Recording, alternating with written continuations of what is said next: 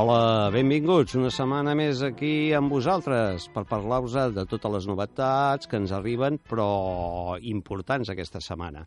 Ni més ni menys que, ja sabem, les candidatures als Oscars, les pel·lícules que optaran a les estatuetes. Uh, també, recordeu, aquest cap de setmana, aquí, molt més a prop, a Barcelona, la dècima edició dels Premis Gaudí, amb una clara favorita, Barcelona 1993.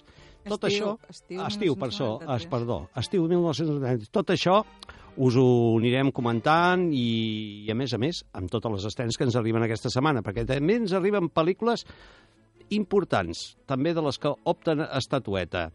I per parlar de tot això estem aquí amb el company Jordi Porta. Què tal, Jordi? Doncs aquí, preparat per comentar les estrenes i també per comentar les, les nominacions que hem tingut a, als premis aquests, als Oscars, que teòricament premia la qualitat, però desenganyem-nos, premien los amiguismos.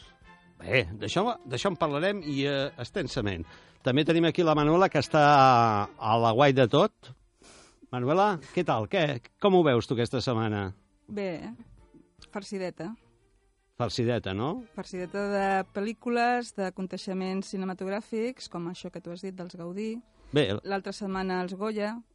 bé, la Manuela Delicado és la que ens parlarà, ens explicarà una mica tot lo de la cerimònia, tot això de les estatuetes, les nominacions que hi han, i a, a veure, a veure per on anirà la cosa.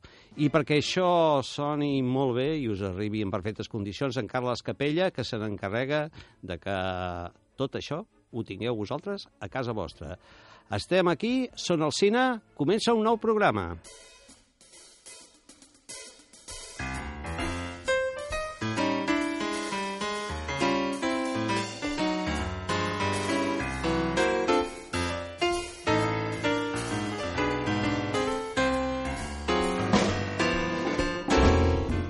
Bé, i comencem precisament amb les estrenes en una de les pel·lícules que també opta a estatueta, la pel·lícula Call Me Be Your Name, una pel·lícula que, per cert, a, a, la Manuela ens dirà quantes estatuetes eh, opta i aquesta...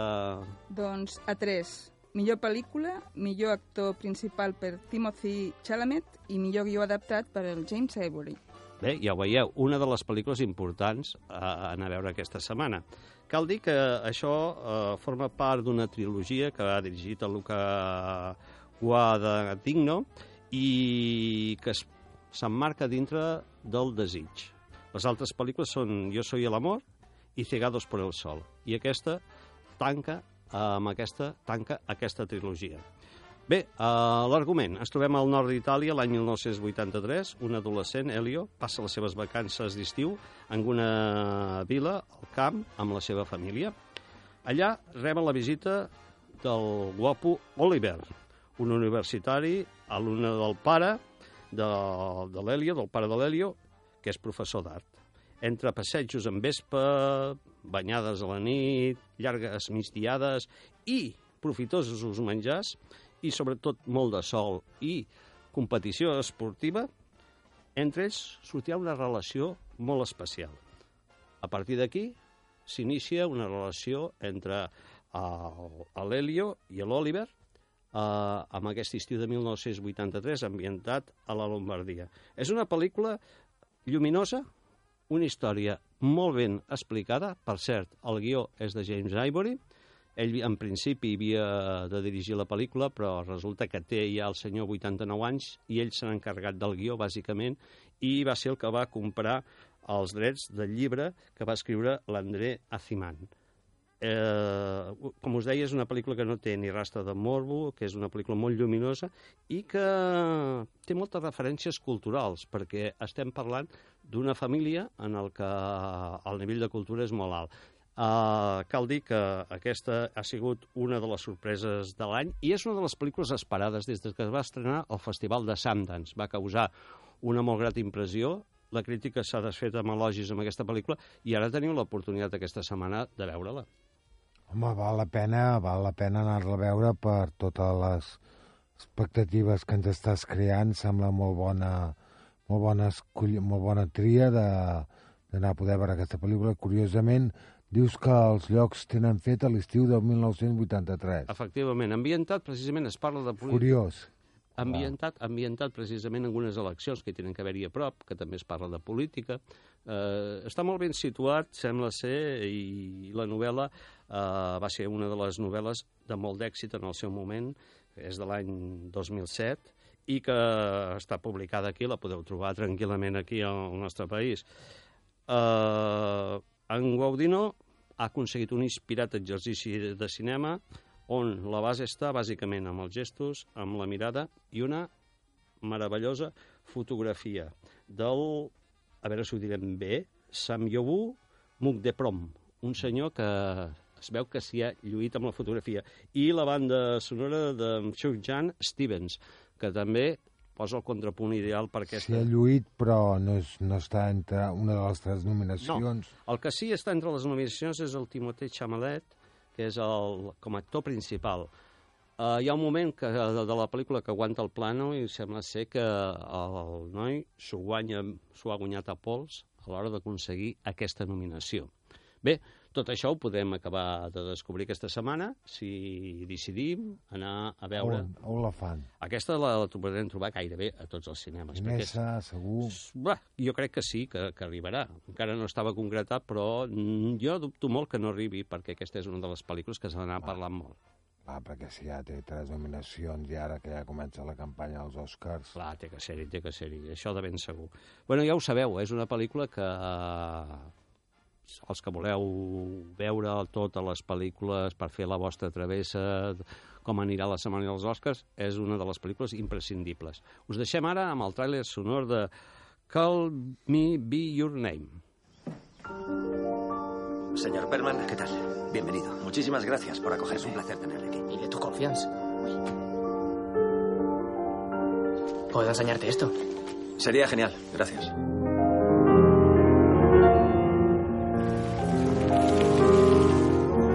Qué se hace por aquí? Leer libros, escribir música, nadar en el río, salir por la noche. Parece divertido. Bueno, nos vemos. Simplemente meglio di quello di l'anno scorso. Ya veréis, así es como se despedirá cuando llegue el momento. Nos vemos. Tendremos que soportarle durante seis largas semanas.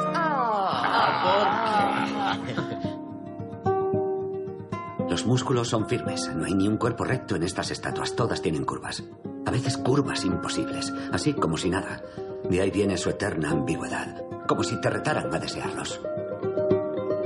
Oh, to see without my eyes. Bé, i la següent pel·lícula també té que veure aquí, amb la comarca. Estem parlant de El Pasajero. Per què té que veure amb la comarca aquesta pel·lícula d'acció feta a Hollywood directament, Manuela? Perquè el seu director va néixer a Sant Iscle de Vallalta a l'any 74 i es va anar als... El... Estem parlant de... Del Jaume Collet Serra, perdó, perdó, és que ja m'havia jo emocionat. Doncs sí, va néixer aquí al costat i als 18 anys se'n va anar a Los Angeles a estudiar cinema que sempre ha dit que millor hauria estat que hagués estudiat aquí perquè hauria après més, però ja va, va tenir molts contactes i aviat va poder fer molts spots i videoclips i va agafar un bagatge amb això de la direcció, no? I després de fer algunes pel·lícules de terror, va fer una sèrie de pel·lícules que, que tothom coneix, com Sin Identidad, Non-Stop, Sin Escala i Una noche para sobrevivir, amb el Liam Neeson, l'actor és, és el seu actor, és el seu actor fetitxe. Exacte, i és el mateix que protagonitza la pel·lícula El Pasajero, que és la pel·lícula que s'estrena aquesta setmana. I en aquesta pel·lícula ens explica la història de Michael Macaulay, un expolicia de 60 anys que acaba de ser acomediat de la seva feina i no té estalvis i està hipotecat fins a les celles. No? I llavors, mentre està viatjant en tren cap a casa, eh, una dona li proposa guanyar molts cèntims només buscant un passatger que sembla una mica estrany del, del tren. Aviat descobrirà que això és un complot i haurà de fer tot el possible per salvar els viatgers de, del tren, perquè estan en perill. Cal dir que amb el Liam Neeson, per exemple, ha rodat Una noche para sobrevivir, Non-Stop sin escales, Uh -huh. eh? Sin identi identitat, o sigui que sí, que és el seu actor fetitxe gairebé, eh? Doncs sí, sí. Aquí el, el, es va donar eh, aquí el, a nosaltres amb la pel·lícula La huérfana, Sí. una interessant pel·lícula. Va Va ser fer alguna pel·lícula de terror com Sí, aquesta. Sí, a La sí. huérfana, que va estar presentada a Sitges. I és que ell, el terror, també hi juga força, perquè ell juga molt amb el gènere, en Jaume Collet, Serra, i una altra de les pel·lícules que va, va aconseguir tenir molt bona distribució a nivell mundial va ser Infierno Azul, que era precisament... Sí, de fa un parell d'anys. Sí, d'un tauró i una noia que havia d'intentar sobreviure a l'atac d'un tauró blanc. Bé, és un director especialitzat en el cine d'acció i, Sí. i que és una aposta segura pels estudis, això segur de Hollywood, perquè totes les seves pel·lícules tenen molt, molt bona, molt èxit. molt d'èxit. perquè, a sí. més, és que dona el que promet, no? Entreteniment, acció, suspens... Bé, doncs què Sí, més, això? què més? Al costat d'en Liam Neeson, qui trobem? El Patrick Wilson, la Vera Farmiga, el Sam Neill i el Jonathan Banks. Ah, i recuperem una Elizabeth McGovern, una actriu que feia temps que no veiem a cap pel·lícula. I bé, és una d'aquelles produccions que, que de ben segur, de ben segur, uh, us, us distraurà, us ho passareu bé, que, que els agradi el cinema d'acció. La banda sonora, Roque Baños, el Mhm. compositor espanyol Roque Baños, s'han encarregat de fer la banda sonora. Una pel·lícula ideal, torno a repetir, pel que li agradi el gènere del thriller, i, i de la mà, psicològic. sí, i de la mà d'un director uh, maresmenc, com és el, sí, Jaume, el Jaume Collet Serra. Aquesta pel·lícula arriba a tot arreu, perquè és, és de distribució vaja, massiva, perquè les seves pel·lícules, torno a repetir, aconsegueixen molt bones recaptacions i, a més a més, hi ha el reclam d'un repartiment molt interessant encapçalat per el Liam Neeson. Us deixem, doncs, ara amb el tràiler sonor de El Pasajero.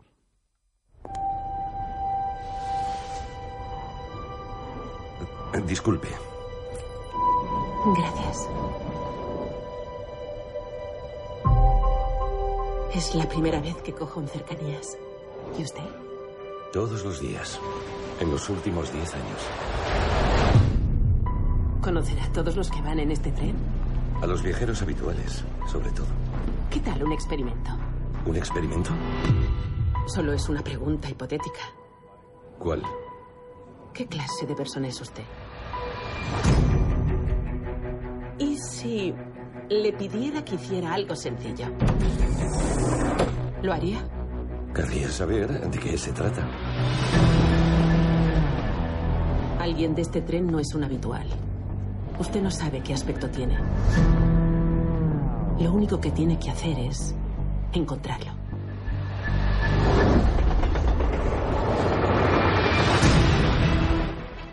Bé, com ja podeu apreciar amb aquest tràiler, de, de suspens no en falta.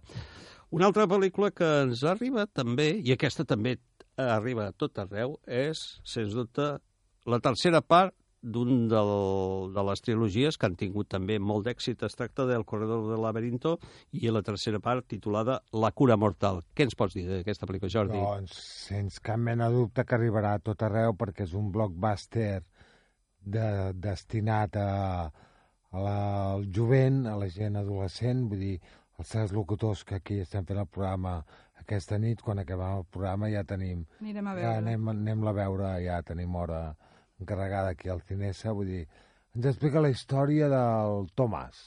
El Tomàs no pot confiar més en Cruel, que és l'organització que li ha borrat els seus records i l'ha tancat al laberint. Llavors, fins i tot ja el posa al, al fil de, de la mort, en el desert, i allà el separen dels habitants, dels seus únics amics. I ara l'organització Cruel assegura que el temps de les mentides, mentides ha acabat.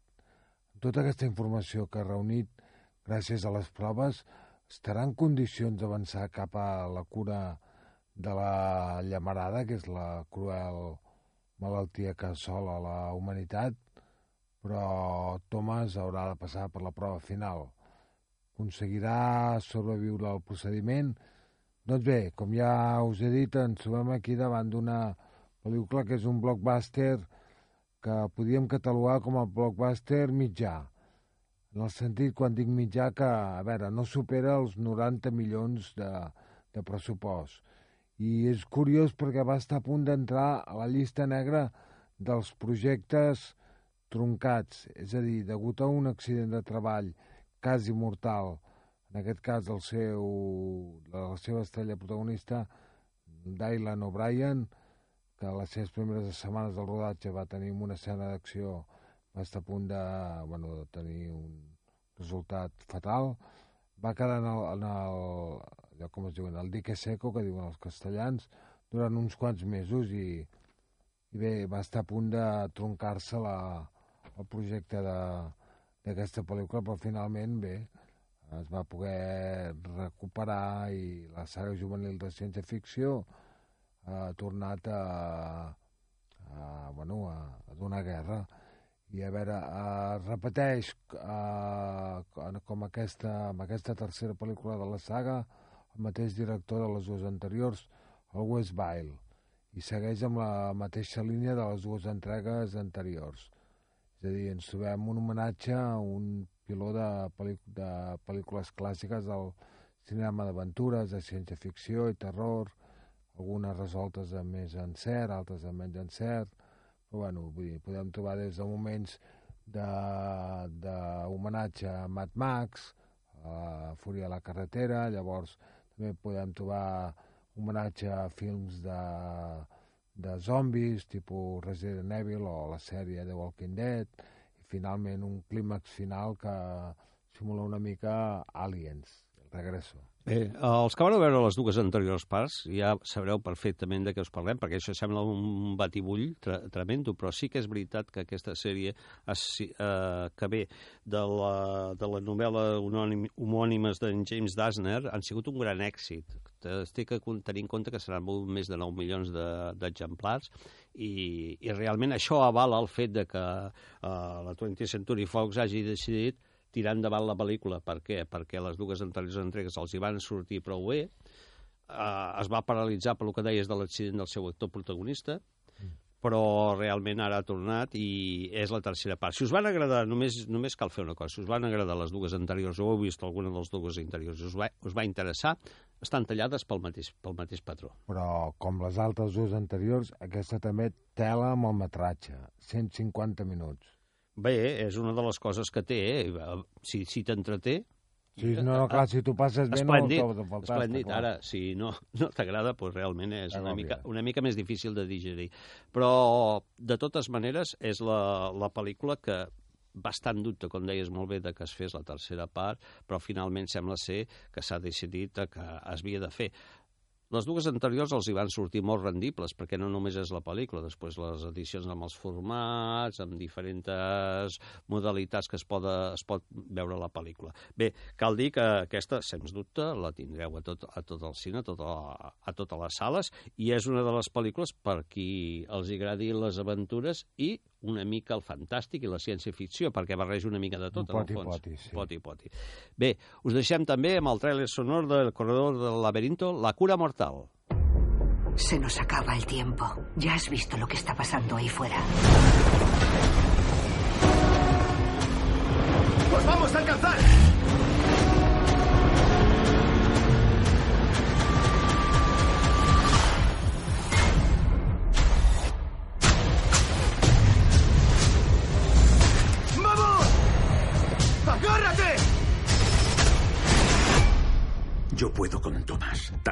Tarde o temprano aparecerá. Justo lo que me temo. Os escogieron porque sois inmunes a una plaga que está exterminando a la raza humana. ¡Mi hijo! ¿Creen que merece la pena sacrificaros para encontrar una cura? Bé, i canviant de gènere, de la pel·lícula d'aventures i d'acció més trepidant, passem a la comèdia. I de la mà de dos directors, l'Olivier Nakache i l'Eric Toledano, famosos per una pel·lícula per Indomable, una de les... Intocable. Intocable, perdó. Una de les, de les pel·lícules que va aconseguir més recaptació a la taquilla. I, i ara repeteixen amb una pel·lícula que es titula C'est la vie una pel·lícula que ens situa ni més ni menys eh, en un senyor que, és, que es diu Max, un senyor seriós, molt professional, que porta anys organitzant tot tipus de celebració. L'última és un, un casament de l'alta societat en un castell del segle XVIII, però no sortirà com estava previst, per culpa dels treballadors que preparen tot, tota la cerimònia.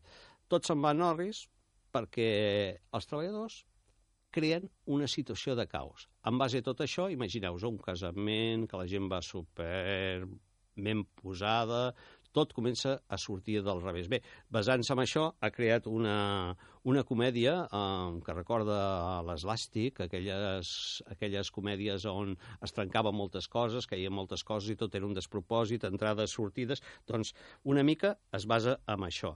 Cal dir que en el repartiment trobem en Jean-Pierre Bacry, la Vicent Maigané, en Kevin Assas i la Susan Climent. Una d'aquelles pel·lícules que de ben segur, per passar una estona divertida, a veure, és una comèdia. Jo el que sí és segur és que a França ha arrasat a la taquilla, s'ha convertit en una de les pel·lícules més vistes eh, al país veí, a França, i, i aquí veurem la carrera que fa. De totes maneres, s'ha jugat molt amb el fet de que els dos directors hagin dirigit una de les pel·lícules més, més exitoses dels últims temps del cinema francès, com és Intocable. Uh, també aquesta pel·lícula és de les que ens arribarà, gairebé segur, a totes les sales. És una d'aquelles pel·lícules que de ben segur ja té, ja té una mica el que se'n diu la publicitat feta. El, el que cal dir és que és una, una d'aquelles eh, comèdies en el que la crítica sembla ser que ha agradat molt, perquè, per exemple, a Fotogrames diu que és una col·lecció de gags que són realment molt aconseguits, que els diàlegs tenen xispa, i un catàleg de personatges que creixen en mans d'uns actors inspiradíssims. Eh, I, a més a més, que la coreografia, tal com està muntat, funciona com un rellotge. Què més us podem dir d'aquesta pel·lícula? Si us agrada la comèdia, ja ho sabeu, Uh, és una d'aquelles pel·lícules, per això que la sutilesa no és la que podreu trobar, perquè ja us dic, és més, es basa més en el gag visual que no pas amb el diàleg, però de ben segur és una d'aquelles opcions interessants pel que els agradi la comèdia. Us deixem també amb el trainer sonor de Celaví. Os lo repetiré otra vez. Estamos en un chateau del siglo XVII, así que la potencia eléctrica es limitada. En esa época no había juegos de luces ni sonorización de 4.000 vatios. Así que no podemos usar la red todos a la vez. Nos coordinamos, nos turnamos, compartimos. Y para acabar, me gustaría que evitáramos las tensiones. Eres tonto, que estás en zona de paso, ¿no ves que molesta? Vuestro comportamiento, vuestros modales son el escaparate del banquete. No, no, no quiero a nadie en el encuadre. Hay una vieja en el encuadre. La vieja es mi madre, ¿eh? Le dije que quería algo sobrio, chic y elegante. Sí, ese es su estilo. Esta noche les espera una velada agradable, una velada chic, sobria y agradable. Ese tío me está dando miedo. Quiero ver todas las manos en alto, arriba sus brazos, everybody. Perdona, perdona, gracias. Cuento con vosotros para que especialmente esta noche la velada sea preciosa, ¿eh? ¿Puedes cogerme la bandeja? Tengo que ir a la cocina. ¿Cómo? Ay, perdón. Uh... Sammy, ¿seguro que controlas los fuegos artificiales? Bé, el trailer sonor és molt explícit amb el que trobarem amb aquesta pel·lícula eh, dels directors eh, Eric Toledano i Oliver Nakache. Ara tornem a canviar de gènere i anem a una de les pel·lícules que potser eh, pel seu director que és un dels directors més reputats, l'Andrei Singinstev, eh, ens trobarem en una pel·lícula que sí que l'haureu de cercar segurament a la cartellera, però que val molt la pena que feu aquesta, prengueu aquesta opció, perquè és un, ja us dic, una pel·lícula diferent, una pel·lícula que no us deixarà indiferents. Es tracta de Cinemor. Manola, què es pots dir de Cinemor? Sí, doncs és una pel·lícula que radiografia les misèries emocionals de la societat russa actual i per extensió reflexa l'egoisme emocional i material que assola tot el planeta i llastra el gènere humà perquè la, aquesta pel·lícula, que és la cinquena d'aquest director, que està nominada als Oscars com a millor pel·lícula estrangera, eh, ens explica la història de Zenya i de Boris, que és un matrimoni en procés de divorci, la dona ha començat a sortir amb un altre home i ell està esperant un fill amb una altra dona. I pel mig està el nen, de tots dos, que té 12 anys i no suporta la guerra que viuen els seus pares i un dia desapareix. A partir d'aquí, A partir d'aquí, eh, un grup que té aparença para, paramilitar el començarà a buscar i els pares sembla que es despreocupen perquè el nen s'ha convertit en una nosa per ells i pensen que si no aparegués, doncs...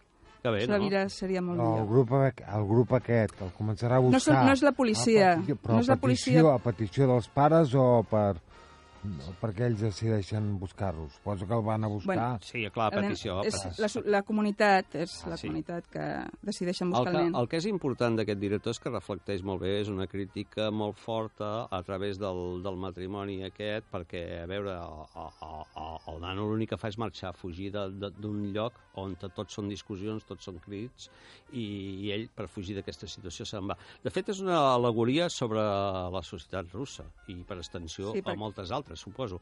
Però el que fa sempre en totes les seves pel·lícules aquest director precisament és parlar d'això. Sí, sí, sí. Perquè en anteriors treballs em sembla que també reflectia el mateix amb Sí, les sí, seves pel·lícules. sempre mitjançant el retrat de la descomposició d'una una unitat familiar el que fa és una crítica a la Rússia, no? al, al sistema rus actual, perquè ell considera que eh, l'estat de dret és una pantomima on sols la llei del més fort és la que prevaleix i també és difícil plantejar-se un, un futur si no es comulga amb els valors de, de l'Estat mm, basats en la burocràcia i la corrupció. És molt crític amb la societat Bé, russa, cal- amb el, la política, el, el, el govern rus.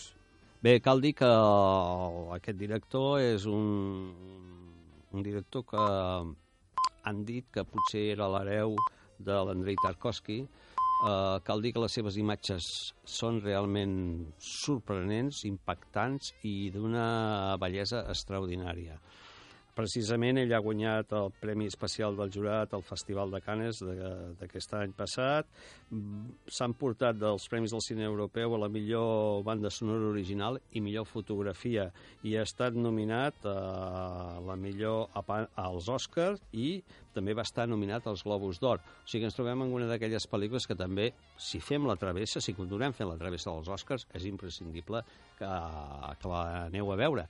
Per què? Perquè és una, un rar avis dintre el cinema que ens arriba habitualment per la manera en què està explicada uh, l'argument, està explicat l'argument, per la manera en què ens ho ensenya amb imatges on prevaleix sempre la imatge sobre, uh, sobretot, hi ha moltes vegades en què el diàleg ofega una mica la imatge, en determinades pel·lícules aquí no, aquest director es preocupa molt que la imatge sigui la conductora de tot el que, te, que ens està explicant. O sigui que una opció interessantíssima, però sí que ara, Jordi, puc dir-te que aquesta sí que tindrem problemes per, per, perquè ens arribi aquí, perquè realment és una d'aquelles pel·lícules que no, no s'aposta massa perquè és una pel·lícula en què té una distribució un més cinema mitja. d'autor que Eh, sempre Exacte, és un cinema minoritari, més sí, mitjà, minoritari. Doncs bé, ja ho sabeu, aquesta és eh, una de les opcions que també ens arriba aquesta setmana. Us deixem amb el tràiler sonor de Cinamor.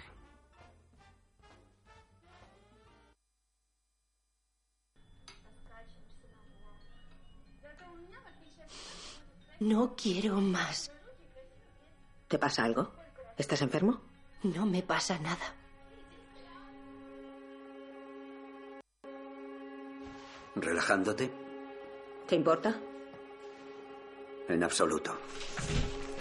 Vienen a ver la casa. Arregla tu cuarto. ¿Por qué lo venden? Nos divorciamos. Pero vete de una puta vez. No quiero verte más aquí. Se acabó. ¡Este piso también es mío! Es tuyo, es tuyo. Tendrás tu mitad. Lárgate de esta casa de una vez.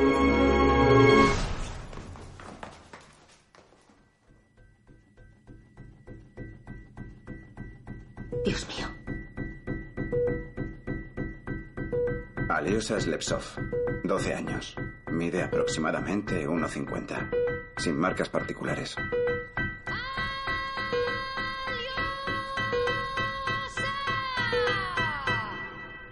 ¡Siempre juntos! I una altra de les alternatives que teniu aquesta setmana és veure una pel·lícula més de cinema familiar, amb tocs de cinema fantàstic, que es diu Trio, la búsqueda del santuario sagrado. Una pel·lícula que ens arriba de Noruega. Jordi, què, què podem trobar amb aquesta pel·lícula? Doncs en aquesta pel·lícula d'animació noruega, bastant curiós, doncs val la pena prendre risc, arriscar-se i provar a veure què, com ens sorprèn l'animació noruega. T'explica la història de... Durant segles eh, la gent ha estat durant trobant, intentant buscant sense èxit el, el llegendari santuari del Sant Olaf.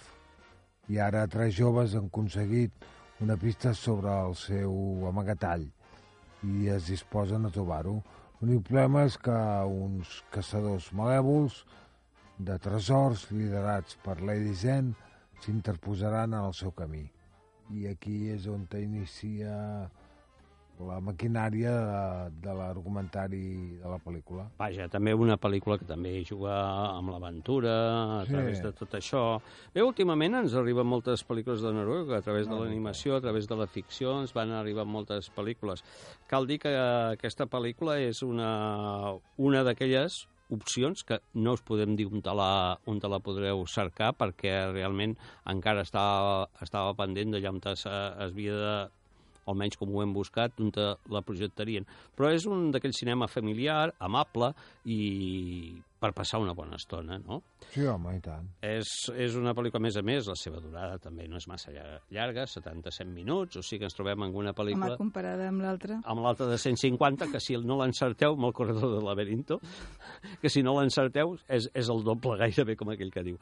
Bé, aquesta és l'última de les estrenes que ens arriben aquesta setmana a la cartellera, però també tenim la proposta que ens ofereix el Cinema Foment. I el Cinema Foment, aquest cap de setmana, pels que no heu tingut l'oportunitat, podreu veure l'última pel·lícula de Woody Allen, Wonderwell, una pel·lícula que situa Woody Allen, de, deixa la comèdia i ens situa el drama als anys 50, precisament a Coney Island, al parc aquell que hi ha aquella famosa nòria, i ens explica la història d'un amb Mike Rubin, un guapo senyor eh, que és d'aquells que es dedica a vigilar la gent, que no prengui mal a l'aigua, i, i una actriu de caràcter realment volàtil que treballa de camarera.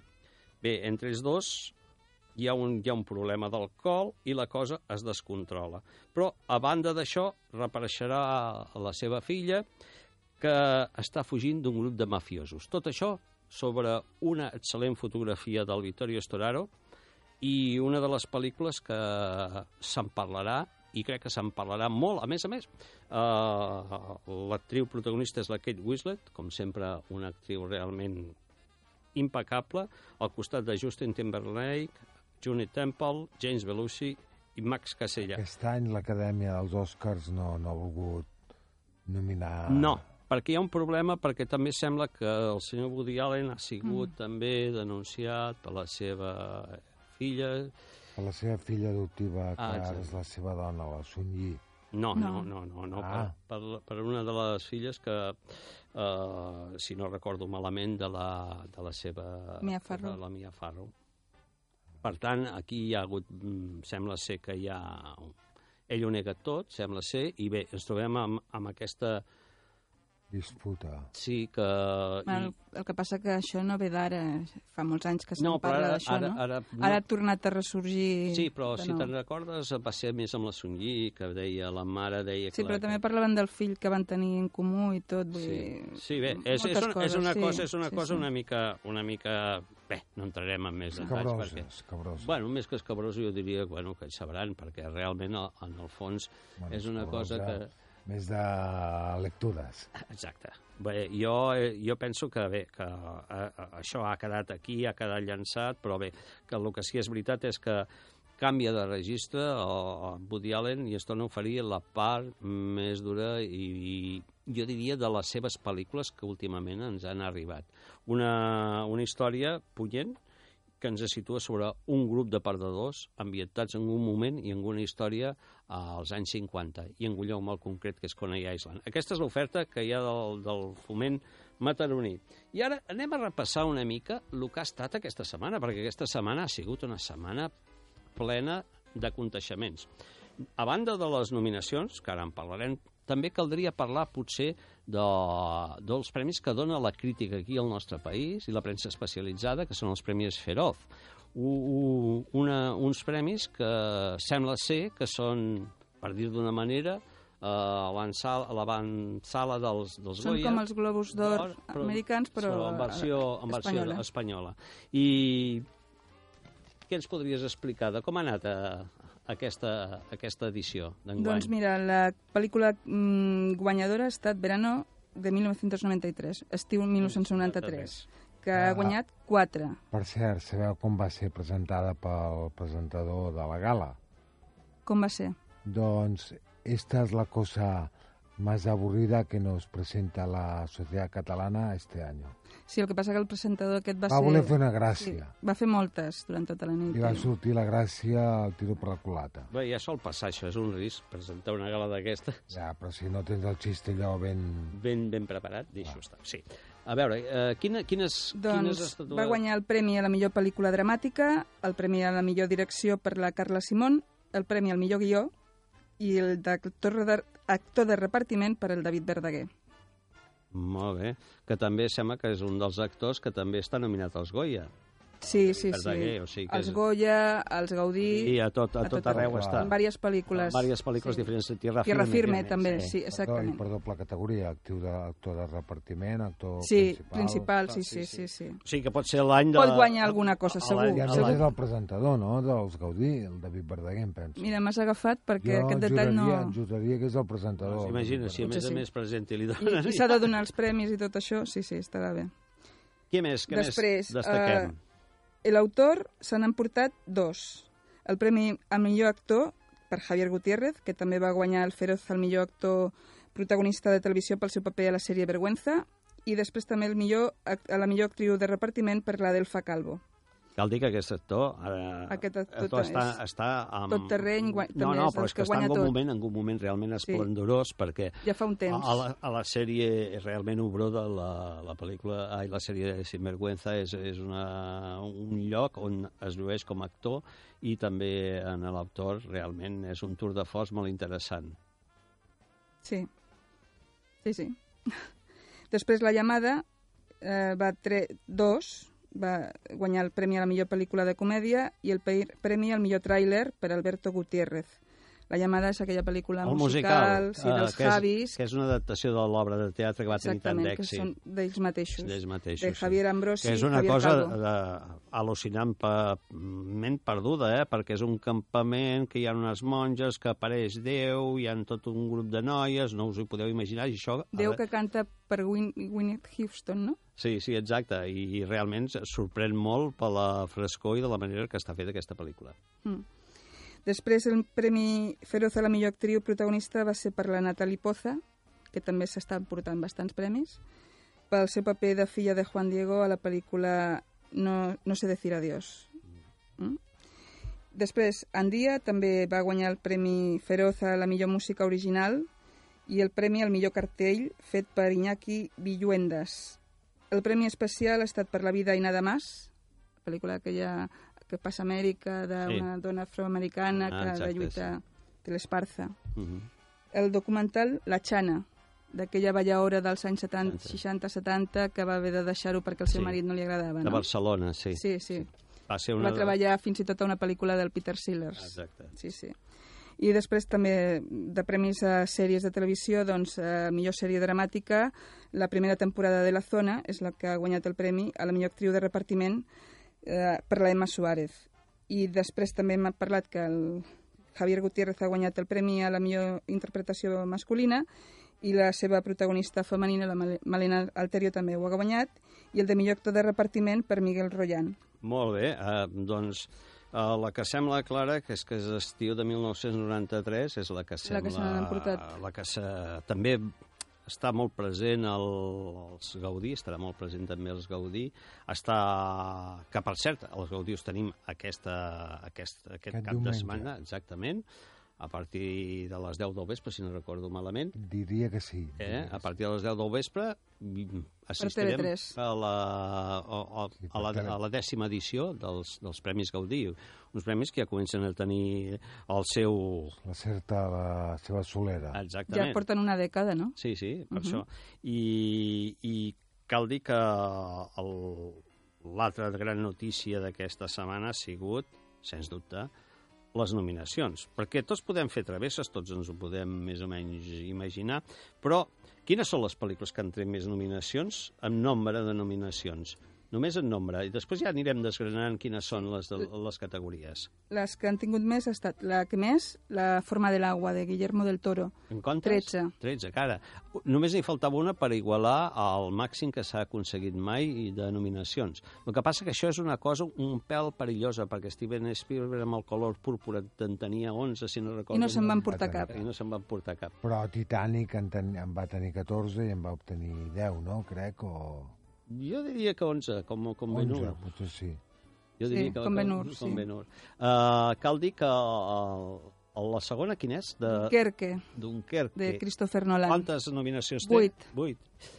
En tercer lloc, quina tenim? En tercer lloc tenim tres carteles en les afueres, set. Set nominacions. Una de les pel·lícules que en principi va com a, tot i no tenir tantes nominacions, va com a una de les principals eh, opcions, sí, sí, opcions a, a portar-se els premis importants. I què més tenim?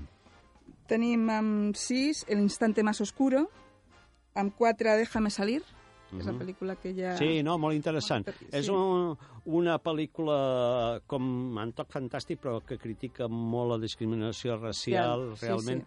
És una pel·lícula molt potent. Després també L'hilo invisible de Paul Thomas Anderson, T6. Per cert, en aquesta pel·lícula el Daniel Day-Lewis diu que deixa la interpretació. sí, torna a deixar-lo, no? O sigui que tenim que tenir clar que en Paul Thomas Anderson té el privilegi de tenir un dels millors actors. Per última vegada sembla ser. De fet, això ja ho va fer-ho quan se'n va anar a Itàlia a fer de sabater, perquè se'n va anar uns quants anys a Itàlia a la dècada dels 90 a fer de sabater. S'ha Va- retirat diverses vegades ja. I ara... Sí que no és un truc Aquesta allò perquè potser és- li donguin el quart Òscar. Mm, Bé, és no broma. crec que li faci falta. Ah, clar que no, no li crec que li faci falta. Era broma. Day-Lewis No, suposo que pensa que ho farà, però després igual li surt una altra història. Doncs i és un tornarà. projecte que li crida l'atenció. Encara que és jove, vull dir, pot tornar, Que deixar-ho i un tornar totes les vegades que quedi. Jo la veig molt sèrio, eh, aquesta vegada. L'he vist molt sèrio perquè ha Les decidit... altres també ho semblava. No, i- però és que tanquen una pel·lícula important, perquè de- a més de la mà d'un director important. O sigui que si ho fa ara, jo crec que és un comiat molt interessant, que ho faci amb el Paul Thomas Anderson, Esperem- un, un dels esperem- directors de referència esperem- del cinema mundial. Esperem que no ho faci, perquè és un actor És que... un actoràs, sí, sí. que val la pena. Que nunca diga nunca jamás, perquè... bueno, i després també tenim la Lady Bird, que té 5, i ja la resta, doncs, tenen eh, 3, 2, 4... Vull dir, hi ha moltes. Moltes. Bé, el que destaca molt és el, el, que el, la, Aquestes són les més... A mi el que em sorprèn és sobretot la forma de l'aigua per les quantitats de nominacions, i no és tant pel nombre de nominacions, sinó perquè és el gènere. Normalment el fantàstic no ha estat massa, massa premiat per l'acadèmia. No, no sol agradar massa el fantàstic. I, Menys. això, i, I és curiós. Avatar. Eh, no, tampoc, em sembla que se'n van portar tampoc, eh? No, no. El fantàstic mai, gairebé mai s'han portat eh, com a millor pel·lícula. Nominacions, sí, És que em sembla que l'any d'Avatar va ser que se la van portar la seva exdona, no? Sí, la en Catherine Tierra Bigelow. Hostil, en Tierra sí, sí. La Catherine Bigelow, per això dic que no, no, no, sol, no sol funcionar. Per tant, caldrà veure si aquesta història que protagonitza la Sally Hawkins, Sí, que està nominada també. està nominada com a millor actriu, eh, aconsegueix eh, realment el, la complaença o, o interessa realment els, els membres de l'acadèmia que voten, perquè cal dir que darrere l'embolcall fantàstic ens parla de l'estimació, de la incomunicació, perquè el personatge de, de la Sally Hawkins és una, és una dona que... Sordomuda. És, sordomuda. Sí, sí. Realment és molt interessant la pel·lícula i ens parla de, la, de, la, de lo que són capaços de fer a, a, les, a, la, a les coses que no entenem a les coses que no entenem per part de, la, sobretot, sobretot del poder, no? les coses que no assumeix, i en aquest cas protagonitzat, a més a més, una història sembla ser, entre cometes, d'amor, protagonitzat per una criatura amfíbia. Sí, sí. Vull dir, eh, és una, una m'ha sorprès molt. A més a més, dintre les categories, té la millor pel·lícula, Sí, té la millor pel·lícula, el millor director, actriu per la Sally Hawkins, ja ho has dit, actor, actor secundari per al Richard Jenkins i actriu secundària l'Octavia Spencer. També el guió original, la fotografia, el disseny de producció, el vestuari, el muntatge, el muntatge de so... Vaja, un munt de... Eh, I a mi el que m'agradaria és saber si aquesta vegada l'Alexander Desplat, no sé si està nominat... Sí, també, també. Ah, clar, la banda que sonora. La banda sonora, perquè recordem, Alexander Desplat ha estat nominat un munt de vegades, és un dels compositors que està considerat com el gran compositor, el gran hereu d'en Georges Delery, l'altre gran compositor francès, i crec que aquest any sí que té possibilitats Però, i d'emportar-se. si fos l'última nominació del senyor excel·lentíssim John Williams, i perquè ja als seus 85 anys, no sé quantes... que, és que ja, ja, ja, en té moltes d'estatuetes. Ja, evidentment, però millor com a premi diuen premi... També pot ser, també pot ser. Però jo crec que el, el, el treball... I, i, qualitat, I pot ser que tingui raó, eh, Jordi? Pot no, ser no, que com a raó. qualitat jo trobo més meritori el que fa Alexander Desplat, perquè sap greu reconèixer, però el John Williams amb Star Wars, vulguis que no, no, no fa res més que Bé, ell... eh, petites modificacions i Sí. variacions sobre... Però també tenim que recordar que ella ha signat fa poc els arxius del Pentágono, no? la banda sonora, la partitura, i sí que és una partitura realment sorprenent. A mi em va interessar molt, com vaig... Sí, però els Oscars no, no No, els nominat. Oscars no l'han nominat, però realment, em veus, aquest treball sí que el trobava molt més interessant que les variacions que ha fet sobre els temes clàssics de la Guerra de les Galàxies. I a la millor direcció, qui creieu que s'endurà el gato a l'agua? Home, a la millor direcció, jo, mira... Tenim el Christopher Nolan per Dunkerque, el Jordan Peele per Déjame salir, la Greta Gerwig per Lady Bird, Paul Thomas Anderson per Hilo, Hilo Invisible i el Guillermo del Toro per La forma de l'agua. A veure, jo encara no he pogut veure l'Hilo Invisible perquè encara no, no, no s'ha estrenat, però sí que us puc dir que directors, ho tenim, ho tenim dur, perquè a mi el que em sorprèn és que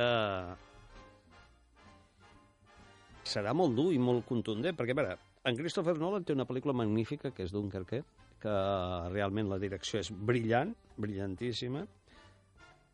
Uh, el Paul Thomas Anderson és un dels directors també realment fora de sèrie.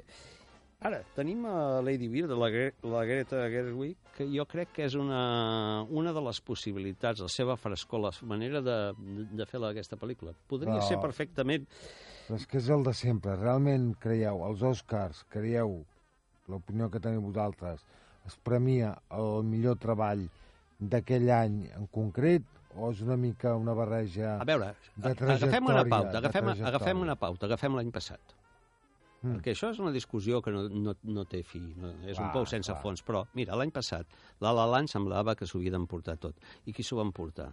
Moonlight. Un- Moonlight, una pel·lícula que de veritat sorprèn perquè cinema d'autor és una pel·lícula que ens, que ens parla de la marginació, del moving, de, de les diferències, mm, de l'homosexualitat. És una pel·lícula que realment ningú, ningú apostava per ella. I és de les que dius tu que no se solen premiar. I va guanyar la millor pel·lícula. Anem, un, anem uns anys més enrere, per exemple, l'any de Boyhood, una obra mestra com Boyhood. Però és que saps quin és el problema? I, Saps en quin és... canvi va ser derrotada per Birdman, que és una bona pel·lícula, però, per exemple, Boyhood és una meravella. Sí, Mhm. no, no, jo no tinc cap dubte d'això. Però pensa que el, les opcions són molt obertes, sempre. I, a més a més, l'acadèmia, últimament, com que sembla que se rejuveneix, pot ser que aquest any tinguem més d'una sorpresa. I aquest any eh, com està la temàtica afroamericana? Bé, aquest any, mira, doncs tens, La tens Déjame precisament salir. Déjame salir del Jordan Peele, I la nominació del Denzel Washington, o també, sigui, té- tens, tens la teva, la teva... Déjame salir No en és tant quatre. com l'any passat. Però en quatre, no? Déjame salir, si no recordo Sí, mal. quatre. S'ha Pel·lícula, la- direcció, actor principal i guió original. Déu-n'hi-do, la S'ha quota. reduït una mica la quota, però es manté... Es manté, i que és interessant que també s'hagi escollit aquesta pel·lícula, perquè també és una pel·lícula punyent. Ens parla de... en clau fantàstica, però realment estem parlant de la discriminació racial i estem parlant d'un fet molt colpidor que als Estats Units a, actualment està passant que moltes persones Bueno, no ha deixat de passar mai, Ai, no? però sí, però ara en aquests Sí. moments eh, té el ressò que arriba a tot arreu el que està passant en aquell país. Per tant, Estrany amb el president tan, tan poc racista que tenen. Bé, el que també jo, a mi, si em parleu d'una pel·lícula que, que a mi m'ha sorprès el que no estigui nominat, és el director, o el director de No Tres, tres anuncios a les afueres, el Martin McDonagh, Sí. perquè realment és una pel·lícula que és impecable, és per mi una de les apostes com a gran, gran, gran pel·lícula, i cal dir que, sens dubte, si Frances McDormand està nominada, evidentment, sí, sí. està nominada, és una de les clares candidates a emportar-se És que l'Oscar. hi ha una senyora que es diu Meryl... Com es Meryl diu? Streep. Això, Meryl Streep, que no sortia. Que torna a estar nominada. Sí. Per...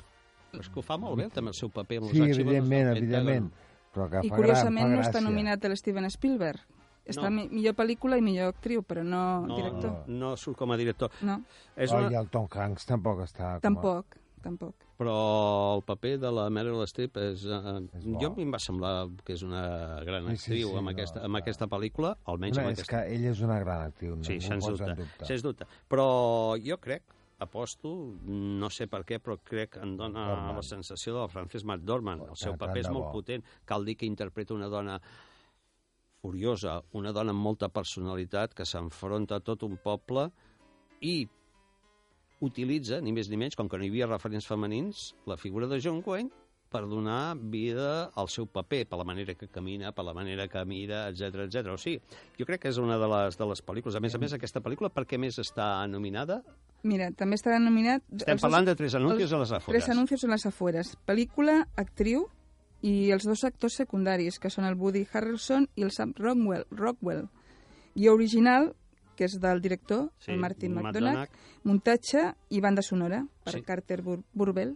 Estem davant d'una pel·lícula que, de veritat, tant el Sam Rockwell com el Woody Harrelson Am- com la Frances McDormand fan una triada realment A excel·lent. mi m'agradaria fer un petit esment a la categoria de millor actor secundari perquè trobo que, que la categoria, la qualitat és descomunal.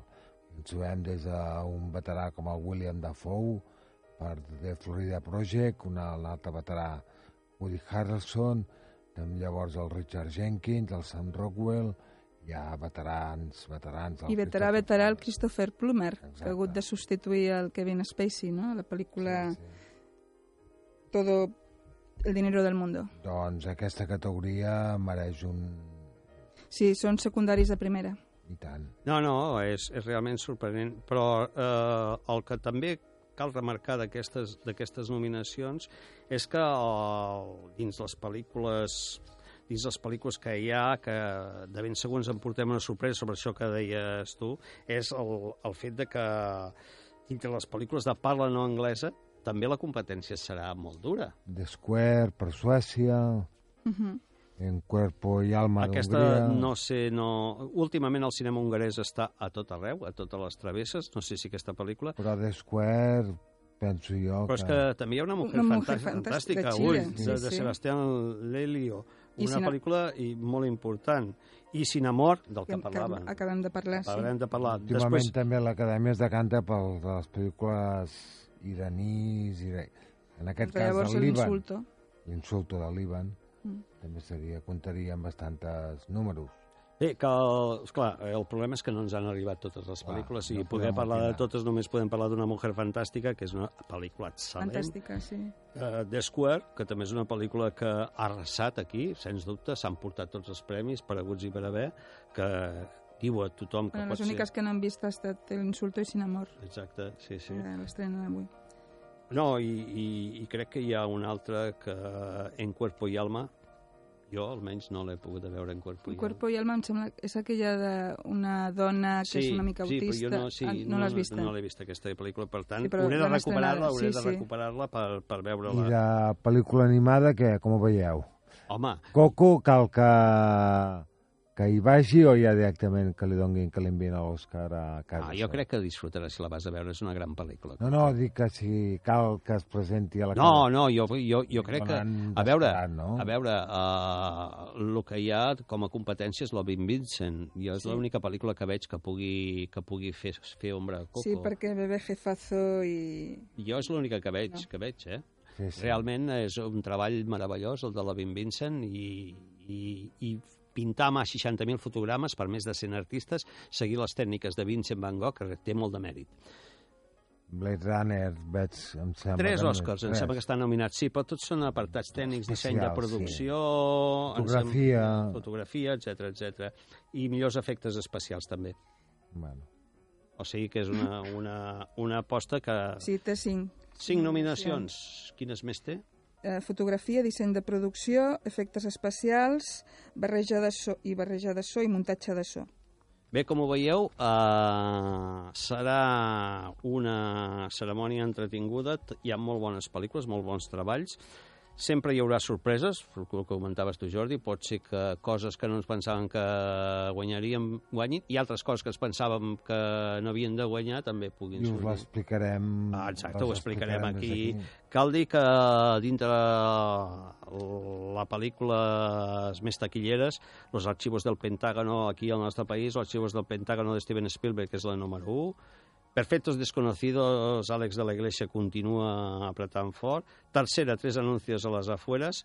I la quarta ens situa Jumanji, la, el remake de la pel·lícula que interpretava Robin Williams. Després, en cinquè lloc, trobem una altra pel·lícula d'animació que és Ferdinand. Coco, en sisena posició. El Ground Showman, el musical que protagonitza Hugh Jackman en setena posició. La comèdia Timai, rumbo a Vietnam, està en la vuitena posició i encara dintre les 10 primeres hi trobem Star Wars, Els últimos Jedi i tanca una pel·lícula de terror que ja s'ha convertit en un clàssic, és Insidious, La última llave.